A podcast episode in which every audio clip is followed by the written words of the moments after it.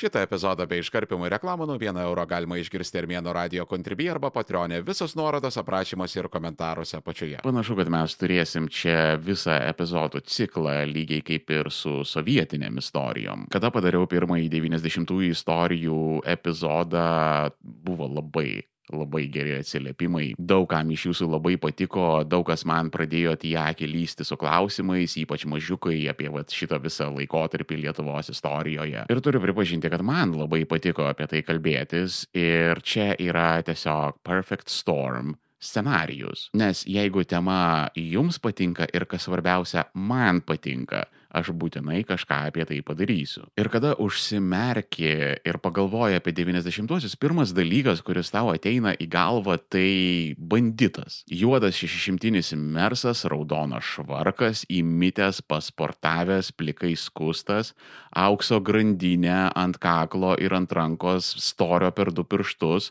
ir degantis kioskas backgroundė už nugaros. Banditai buvo to laikotarpio herojai, pagrindiniai charakteriai, netgi galima sakyti. Ir bet koks pokalbis apie 90-uosius, nekalbant apie banditus, yra paprasčiausiai ne pokalbis. Pirmas dalykas, kurį reikėtų suprasti apie 90-ųjų banditus, yra tas, kad labai tikėtina, kad viską, ką jūs apie juos žinote, yra tiesiog melas. Mes kalbam apie 30 metų senumo įvykius, apie kuriuos yra prikurta ten visokiausių dokumentikų, prirašyta straipsnių, knygų, daug serialų, filmų, visa krūva medijos yra apie tai. Dauguma tai dariusių žmonių visiškai nesivargino dėl faktinio įvykių teisingumo ir jie tiesiog varė pagal sensacionalizmo liniją. Ta prasme, aš galėčiau pavardinti žmonių, kurie pasidarė ištisas karjeras iš melo apys ir provokacijų. Patinka kiksmažodžiai? Prenumeruok Armėnas Plus tik už 1 eurą į mėnesį Armėno radio kontribį arba patronį ir klausyk epizodų be reklamų ir iškarpimo visus nuorodas aprašymuose ir komentaruose apačioje. Ir aš pats į tuos mitus buvau įtikėjęs, nemeluosiu. Paskui šito podkasto dėka aš kažkaip susipažinau su žmonėmis iš teisėjas saugos ir čia delikačiai pasakyti, tam tikro pasaulio atstovais. Ir aš buvau šokiruotas, kokį jie man tuometinį pasaulio vaizdą nupaišė. Ir čia yra kaip ir savaime suprantami dalykai, nes visas a, pasaulio vaizdas, kurį mes turime savo galvose, labai tikėtina, kad jis yra labai iškraipytas. Kalbant apie 90-ųjų banditus, tai kas dažniausiai nutikdavo, tai koksai nors girtuoklis apžvalgininkas primeluodavo sensacingą straipsnį. Tada tokiais tekstais remdamasis koksai nors kreivarankis rašytojas parašydavo knygą ir tada koksai nors niukas TV produceris taip labai greitai permesdavo šituos dalykus savo akytėmis ir tą kontentą adaptuodavo ten kokiam nors filmui, serialui, dokumentikai, paremta tikrais faktais, obviously. Ir šitoj vietoj buvo ratas užsidaro ir here we go. Mes turim mitus apie 90-ųjų banditus. Ir šitoje vietoje aš jaučiu labai stiprią pareigą jūs įspėti, kad neklausykite manęs. Jo, galbūt mano dalykai, kuriuos aš dabar papasakosiu, yra tikresni, kas vaikšto populiarioje kultūroje. Bet dienos pabaigoje aš nežinau. Aš nežinau, nes man tai pasakojo žmonės, o žmonės meluoja nuolatos. Ir visais praeities klausimais paskutinė instancija yra tik tai ir tik tai istorikai, todėl kad šitie žmonės yra apmokyti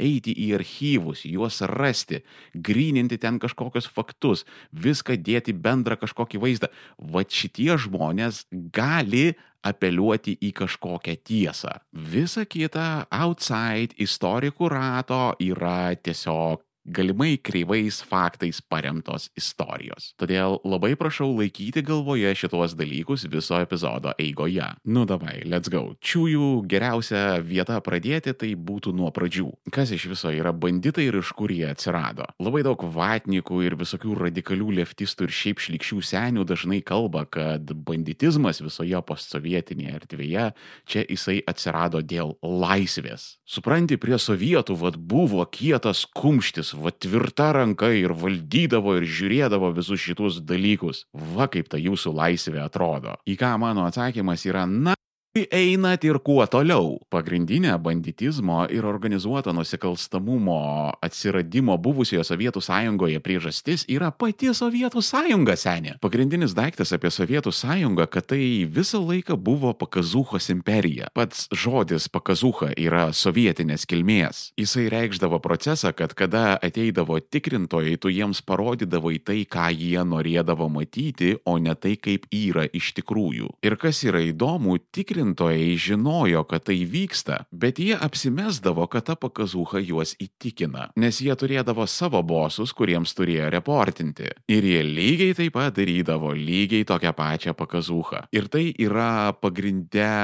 instinktų tokiam giluminėme lygyje nusėdusios socialinės institucijos, kurios dabartinės Rusijos ribose susiformavo dėl mongolų užkariavimų pagrindę. Ką mes labai sėkmingai matome šiandieninį šiandieninėje Rusijoje. Rusijos kariuomenė egzistuoja paraduose, bet ne mūšio lauke. Nutiko lygiai ta pati pakazuka, Rusijos karinė vadovybė visą tą laiką melavo Putinui apie tai, kaip iš tiesų yra su Rusijos kariuomenė. Ir pradėję karą su Ukraina skambiais pareiškimais, kad užimsim Kijevą per tris dienas, here we are two years later. Vienas ką paramos fondas jau užtiso daugybę orkų šventoje Ukrainos žemėje, bet tų orkų yra daug ir mums labai reikalinga jūsų pagalba juos pitti. Pitti orkus kartu su vienas ką paramos fondu. donate.onekfund.org arba ieškokit nuorodo komentaruose apačioje. Ačiū Jums labai. Vienas ką paramos fondas. Mes visus išpitti. Ir dėl visų šitų socialinių institucijų Sovietų sąjunga buvo tokia pakazuchos valstybė, kur visi buvo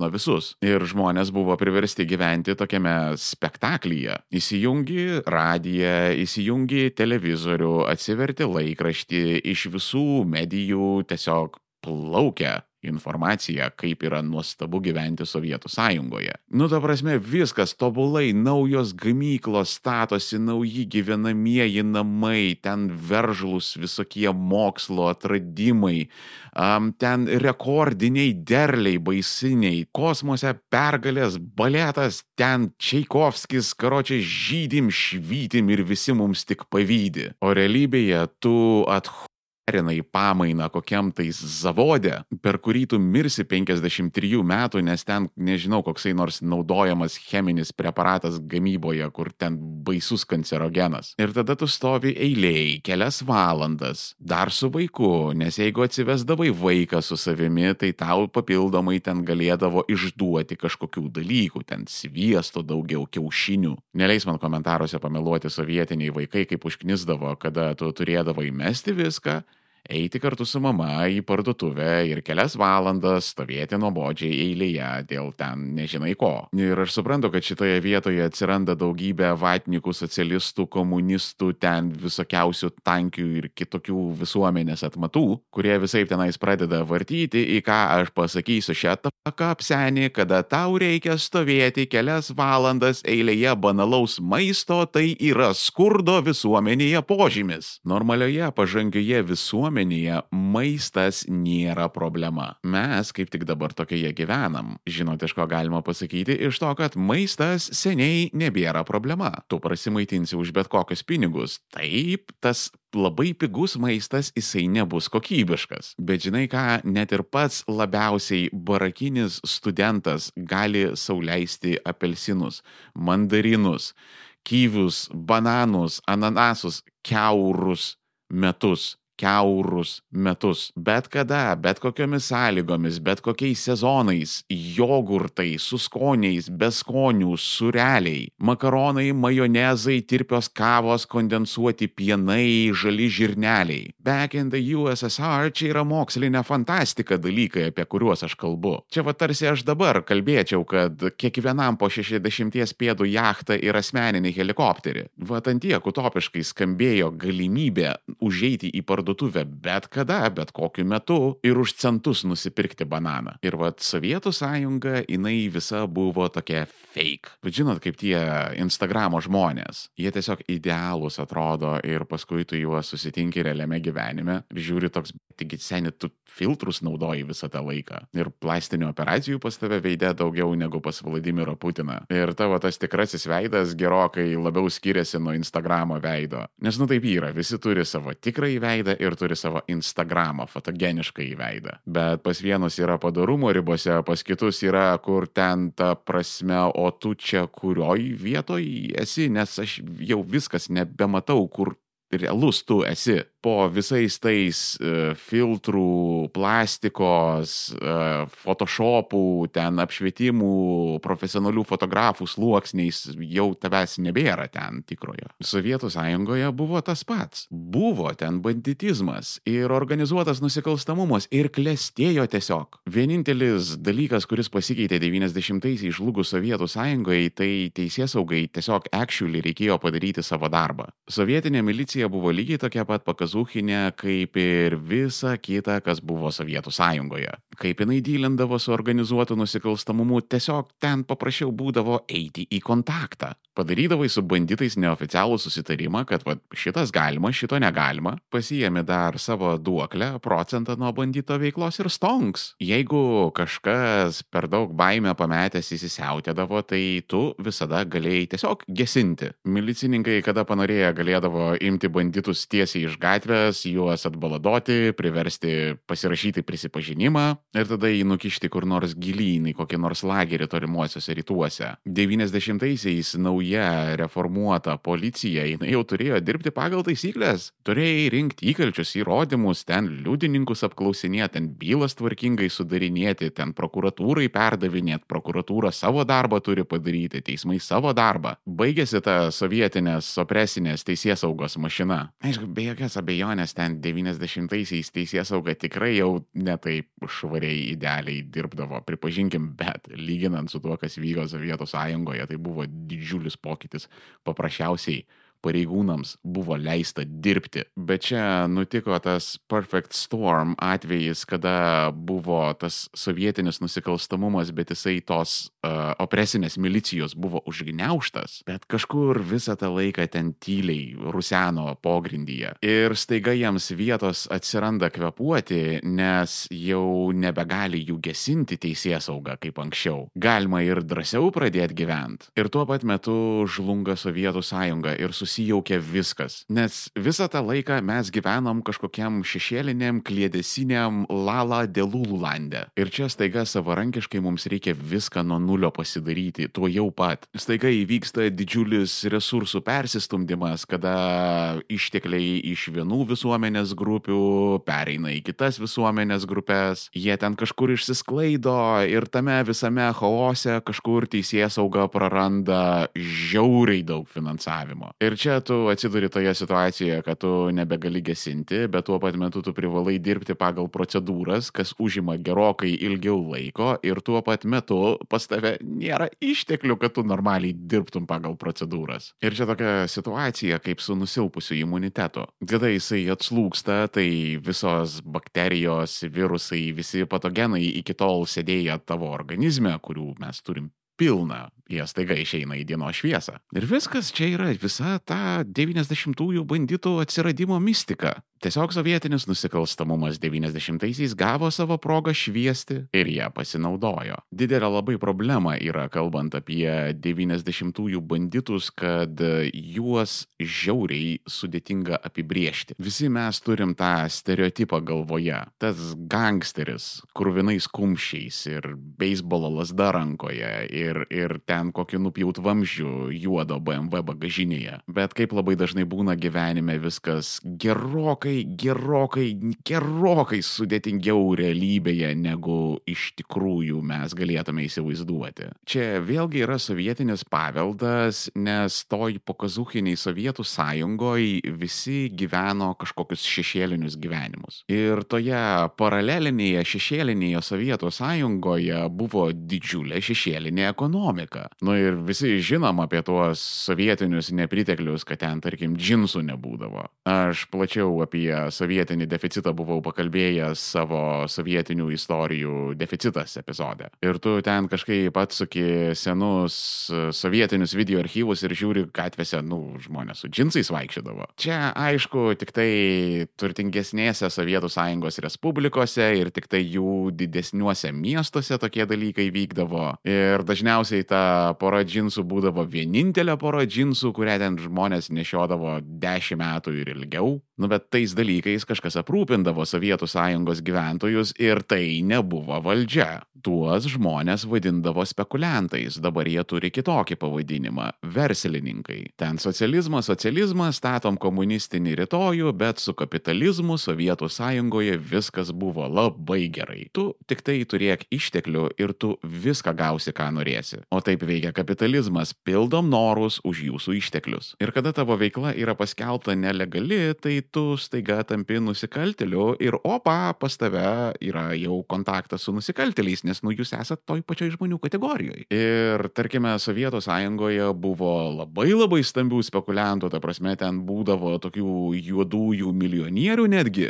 Kita kartą čiūvas galėdavo turėti ištisą pogrindžio gamyklą netgi. Ten siuvimo fabrikėlė, kur siūdavo kokias nors, tarkim, kailinės kepurės iš kokių nors ondatrų, kurias nelegaliai užaugino pakaunėje lytnamiuose gyvenantys žmonės. Nu ir ta gamyklėlė tiesiog prašosi pavagiama. Tengi bus įrangos, tengi bus visokių siuvimo medžiagų, tengi bus sandėlys pilnas produkcijos. O totalaus deficito laikais tai iš tavęs viską to jau pat paims ir už labai didelius pinigus. Ir kas svarbiausia, o pas ką tas spekuliantas kreipsis, aš atsiprašau. Tipo, alio milicija, norėčiau pranešti apie nusikaltimą, iš manęs buvo pavokta du kamazai nelegalios produkcijos. Ir tada milicininkai iš karto, okei, okay, tell me more, gerbiamas draugė pilietį. Kaip čia taip nutiko, kad pas tave atsirado du kamazai kailinių kepurių ir dar ištisas, niekur neapskaitytas siuvimo fabrikėlis. Ir ta problema būdavo sprendžiama labai paprastu būdu. Nu ką tu sėdėsi kaip debilas ir drebėdamas lauksi, kad nu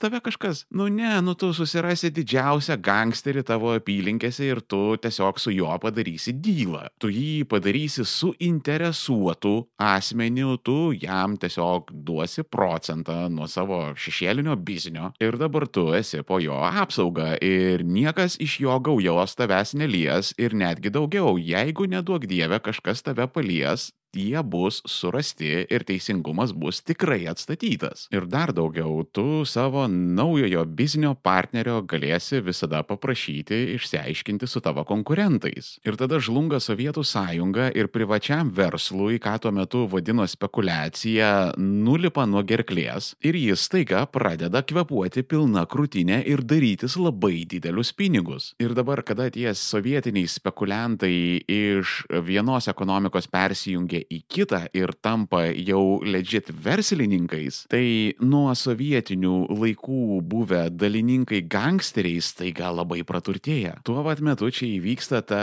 visa postsovietinė suirutė, tie visi laukiniai 90-ieji, mes nuo nulio statome valstybę, iš naujo kūrėme visas institucijas, tiesiog statom tą laivą beplaukdami per Atlantą kažkaip. Ir verslininkams pasidaro labai aktualu dvi esminės paslaugos, kurias įprastai užtikrina valstybė. Tai yra turto apsauga ir visuotinis taisyklių laikymasis. Nagian, tuo metu valstybė buvo kreiva šleiva ir kreiptis šitų dalykų tenais užtrukdavo. Also būdavo ta problema, kad tie pirmieji verslininkai buvo totaliai nelegalus, ta prasme visiškai neapskaitydavo nei mokesčių, ten algos, vokeliais, pažeidinėjamos visos įmanomos taisyklės. Belenkiek varkių, belenkiek ten visokios palievos ir jeigu tu turi konfliktą su kokiu nors konkuruojančiu verslininku, tu nelabai gali eiti į teismą. Nes tu nelabai nori, kad valstybė ten knaisytųsi po tavo popierius ir buhalteriją ir ten rastų ko nereikia. Ir tau yra žymiai paprasčiau nueiti pas vietinį kriminalinį autoritetą, kad jisai priimtų sprendimą tavo konflikte su konkurentu. O kitą kartą tu iš viso nesivargini, kitą kartą tas, sakysim, banditas, po kurio tu esi apsauga, tu gali jį kreiptis ir tiesiog paprašyti, kad žiūrėk, va, šitas va, žmogus va, turi čia, žinai, kioskų, žinok, jis labai ten didelę konkurenciją daro ir mes prarandam babkės pastoviai per jį. Ir seniai, nu, tugi pas mane dalininkas esi, tai tu, nu, supranti, kad jeigu aš prarandu babkės, tai tu prarandi babkės. Galbūt mes ten kažką galėtume padaryti dėl tų kioskų, kad jie, nežinau, ten sproktų netyčia. Ir dabar formaliai tas bičias yra nusikaltelis, nu, banditas. Nors jisai nėra jokioje gaujoje, jisai joks ten huliganas huliganas, jis net gyvenime turbūt nėra nei muštynėse sudalyvavęs. Bet žmogus gyvena iš nelegalios veiklos, jisai neapskaito mokesčių, jisai uh, užsakinėja kitų žmonių ten turto grobimus, uh, apgadinimus, galbūt net žmogžudystės ir panašius dalykus, nu, formaliai tai yra nusikaltelis. Ir netgi per tuos visus uh, dalininkystės ryšius priklausantis kažkokiai gaujai tarsi. Ir tas verslininkas jisai galėjo atrodyti kaip tas tikras 90-ųjų gangsteris, pasigalėjo stovėti tą 900 kvadratų, 3 aukštų kolūkinio baroko hatą, Jisai galėjo turėti tą juodą boomerį, jisai galėjo būti plikai skustas, jisai galėjo ten būti su tom aukso grandinėm, su raudonais švarkais, jisai netgi galėjo reguliariai tūsintis ir būti matomas banditų draugijoje, ten dalyvauti vestuvėse, krikštynuose, ten, žodžiu, tiesiog būti tame rate kriminalinėme. Bet realybėje tai, nu, nebuvo banditas, tai buvo tiesiog labai labai nešvarus verslininkas. Ir jeigu jau mes kalbame apie tikruosius banditus, kur nėra nei vienos abejonės, nu, jie jau yra susibūrę į kažkokį nusikalstamą organizuotą ten susivienijimą. Jie va čia yra tie visi galvažudžiai, kurie reketuoja, kankina žmonės, laužo kaulus, ten degina kioskus, žodžiu, va tikrieji true, legit, be jokių abejonių banditai. Nu, bet kaip ir sakiau, aplink 90-uosius yra žiauriai daug mistifikacijos, bet aplink banditus jos yra daugiausiai. Kaip ir kiekvieną kartą prieš rašant šitą epizodą pasileidau Armėno radio Instagram'e story ir savo threads pakabinau postą, kur visi norintys galėjo klausti, siūlyti savo temas, ten pradėti diskusijas ir, nu, šiaip padėti man susidėlioti mintis prieš pat epizodą. Ir prieš darant šitą įrašą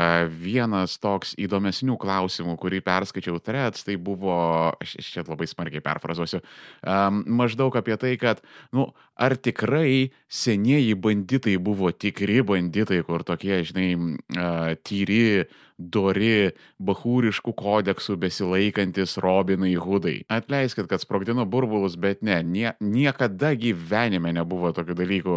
Čia yra tiesiog populiarios kultūros, suformuotas įvaizdis, tų visų debiliškų, rusiškų ir TV3 serialų, tų visų brigadų, Banditskiai, Peterburg, tie kaip ten nemylimi, svetimi, pasmerkti, ten va, šitas visas džiazas. Toli visi visi šitie dalykai labai toli buvo nuo realybės. Šitoje vietoje užtenka paprasčiausią logiką įjungti. Um, iš ko gyvena nusikaltėliai, ne? iš ko jie gauna pajamas? Iš taisyklių laužimo. Ir gyvenime taip nelabai būna, kad vat, aš čia taisyklės laužau, o čia aš vat, jų laikausi labai griežtai. Ir patikėkit, jeigu banditas mato galimybę kažką padaryti ir išsisukti nuo pasiekmių, jisai tai būtinai padarys. Paliava, nepaliava, panetkės, nepanetkės, banditas banditas yra banditas. Apskritai tos panetkės buvo labai komplikuotas klausimas, nes niekas jų nežinojo iki galo. Čia nebuvo konstitucija ar gravitacijos dėsnis kažkur užrašytas, kur visi žinojo. Ten, aišku, būdavo kažkokie bendri principai, kad ten nekaziolink, ten laikykis savo žodžio būtinai, niekada neliesk silpnesnių, ten moterų, vaikų, pagyvenusių žmonių, nekelk rankos prieš kryžių, tai reiškia ten e,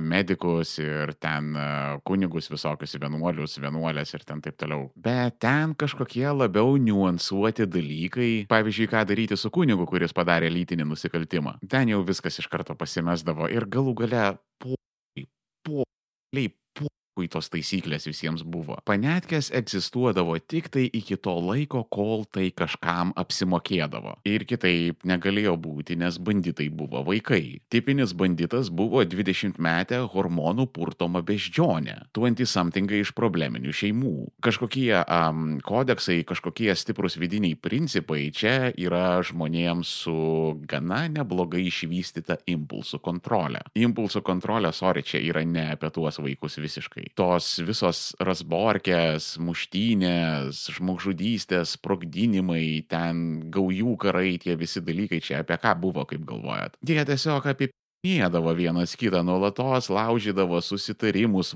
vogdavo vienas iš kito. Ta prasme, nu, konfliktai ten lygiose vietose kildavo. 90-aisiais, kad gaujos vadas būtų smarkiai vyresnis 40, čia buvo labai retas reiškinys. 30 keli metai maks ir kada tu turi daug jaunų, karštų vyrų ir tokį laikotarpį, kada taisyklės ne visai galioja. Tai va kažkaip rimtesniam požiūriui į bahūrišką elgesį atsirasti kaip ir nelabai buvo pagrindo tais laikais ore. Um, dar vienas daiktas labai smarkiai mistifikuotas apie 90-ųjų banditus, tai yra tai, ką jie veikia. Nu, mat yra šitam epizode stereotipiškai jokauju, kad ten kioskai sproksta, ten beisbolo lasdos, ten visa kita. Nu, ir mes maždaug įsivaizduojam, kad tipinis banditas tai taip, nu, fiziškai užsidirbdavo savo pragyvenimui. Žmonės apiplėšinėdavo ten, žudydavo, ten lauždavosi į būtus, ten seifus grobdavo. Sorry, čia irgi nenoriu labai sprogdinti burbulų, bet žinokit, absoliuti dauguma nusikaltimų buvo ekonominiai. Jo, ten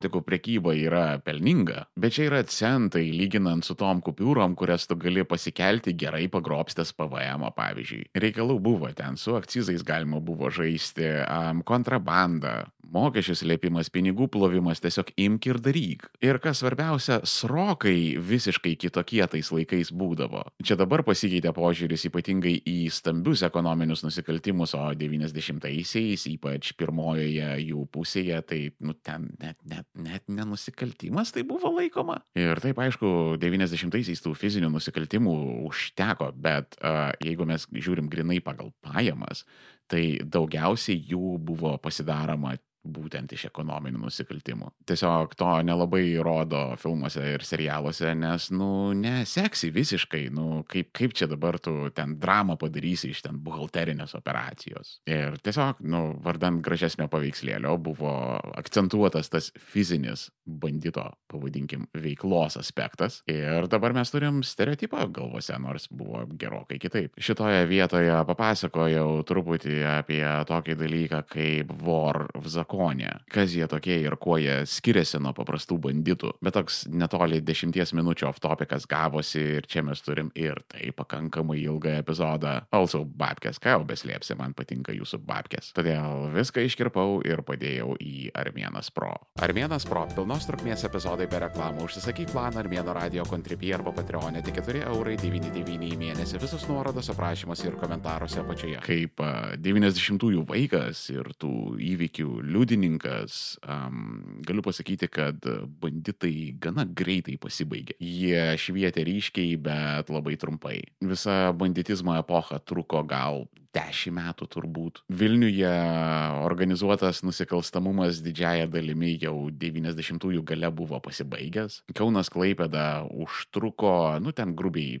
ties stojimu į ES ir NATO daug kas buvo jau apsiraminę. Provincijoje tas užsibuvo iki ten 20-ųjų, kai kuriais atskirais atvejais galbūt iki 19-ųjų metų, bet aš tiesiog labai gerai pamenu, kad kažkur vat 90-ųjų pabaigoje tokia atsivėrė juodoji skylė, kur pradėjo tos banditus tiesiog traukti save. Kas žuvo, kas sėdo, kas pabėgo į užsienį slapstytis. Ir čia pagrindė pradėjo du tokie stambus faktoriai veikti. Pirmasis e, tiesiog atėjo laikas teisės saugos įdirbiui. Vat pareigūnai visus tuos 90-uosius dirbo, ten rinko įrodymus, įkalčius, ten statė bylas, ten klausydavosi, ten telefoninių pokalbių, ten liudininkus apklausinėdavo, whatever. Ir ta teisingumo mašina sukosi, sukosi, kol jinai pagaliau įsisuko. Ir tada jau jinai pradėjo tos gangsterius ryti vienas po kito. Nepriklausomos Lietuvos teisės sauga pradėjo labai sunkiai, nes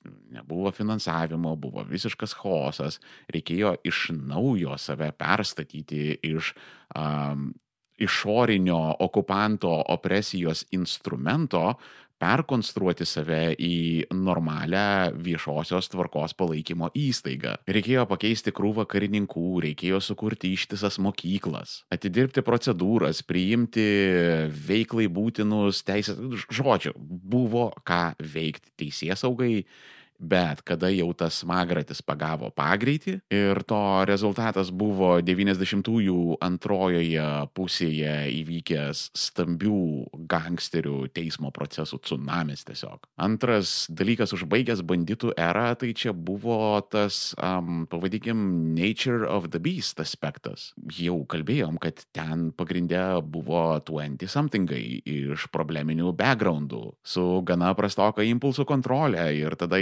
įsivaizduokime, mes paimam tos žmonės ir įmetam į aplinkybės, kada jie gauna beveik neribotus pinigus ir nelabai galiojančias taisyklės. Nu tai viskas, seniai, tu jau god mode gyveni. Ir šitie dalykai jauniems žmonėms labai smarkiai duoda į galvą. Nebaudžiamumas visiškas prasidėjo, baime pametė, jie ten į politiką pradėjo lysti, kaip Pablo Escobaras savo metu. Teisės saugininkų žudyti, į savo rasborkės įtraukinėti nieko dėtus civilius, nes pirmoje 90-ųjų pusėje, kada banditai aiškindavosi santykius, tai įprastai jie labai stengdavosi viską padaryti tarp savų. Ne dėl to, kad jie ten kažkokie būtų labai super geriečiai, bet, nu, čia tiesiog yra common sensas. Žiūrėk, netyčia užmuši kokį civilį paprastą žmogų, čia policija pradės domėtis, nafiktas dėmesys iš viso. Bet banditų daugėjo, konkurencija tenais tarp jų augo, trintis tarp gaujų didėjo, suveikė tie visi nebaudžiamumo dalykai. Ir tiesiog jau tas smurtas pradėjo liesti visai nieko dėtų žmonės. Nes šiaip gana ilgą laiką žmonės gana net pozityviai į